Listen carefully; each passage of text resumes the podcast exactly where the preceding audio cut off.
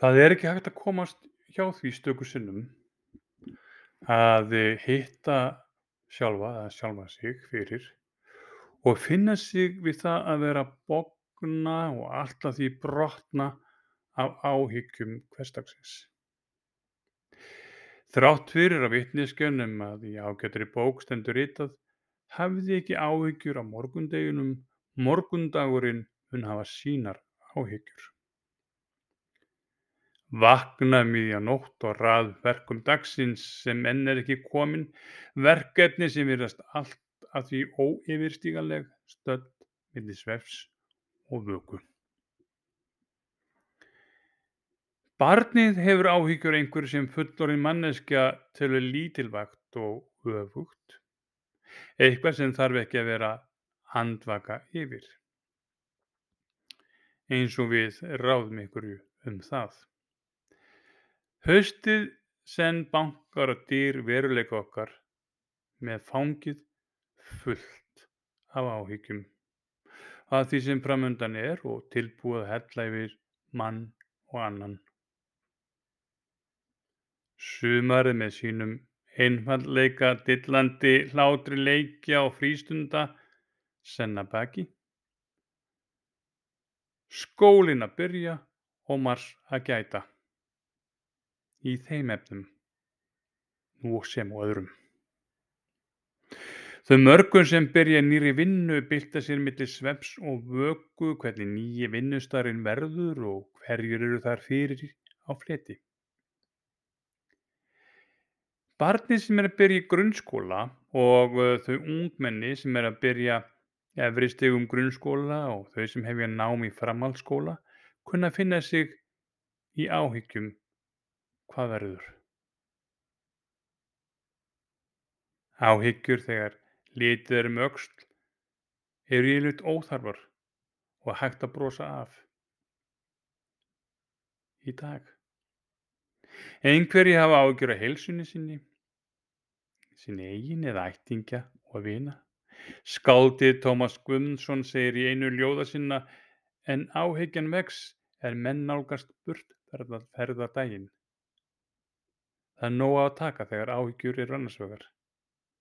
Löngum hefur sagt að eftir því sem árin líða þess meiri áhyggjur hlaðast upp. Eflaust er það svo einhver kannast við það og svo hinnir sem alls ekki kannast við það.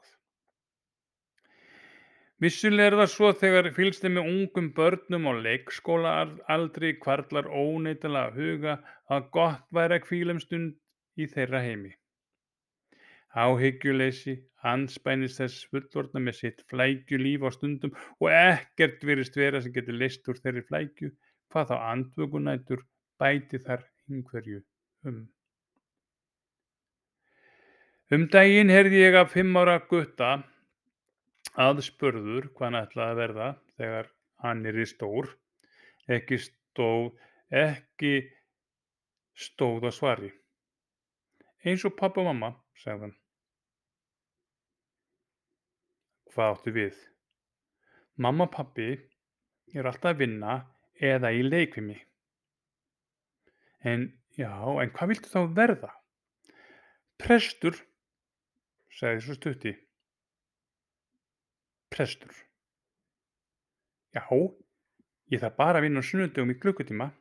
Eða hnátan sem spurði mömmu sín eftir sunnudagaskólaferði í kirkjuna, mamma, hvar er presturinn geimdur fram að næsta sunnudagaskóla? Blessuð börnin.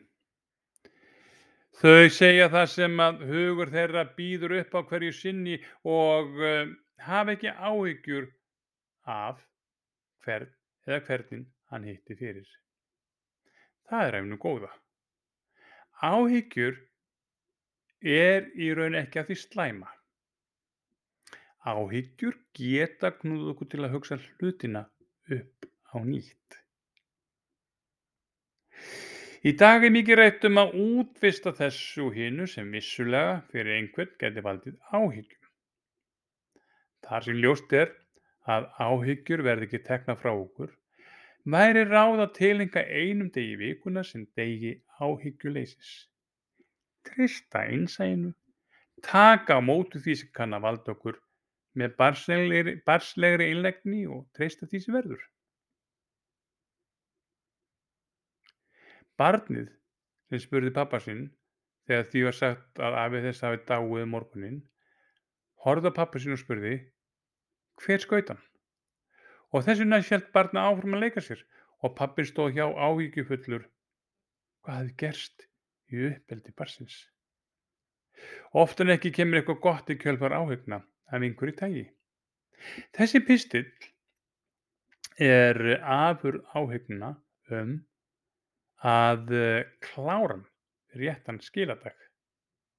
Vaknaði um miðja nótt. Pistillinn! Ég var skilunum að mér ekki seinna en í dag. Ég vil meina að það hafi tekist ágætlega að komast frá því sem að skila pistilnum á tilgreyndum degi.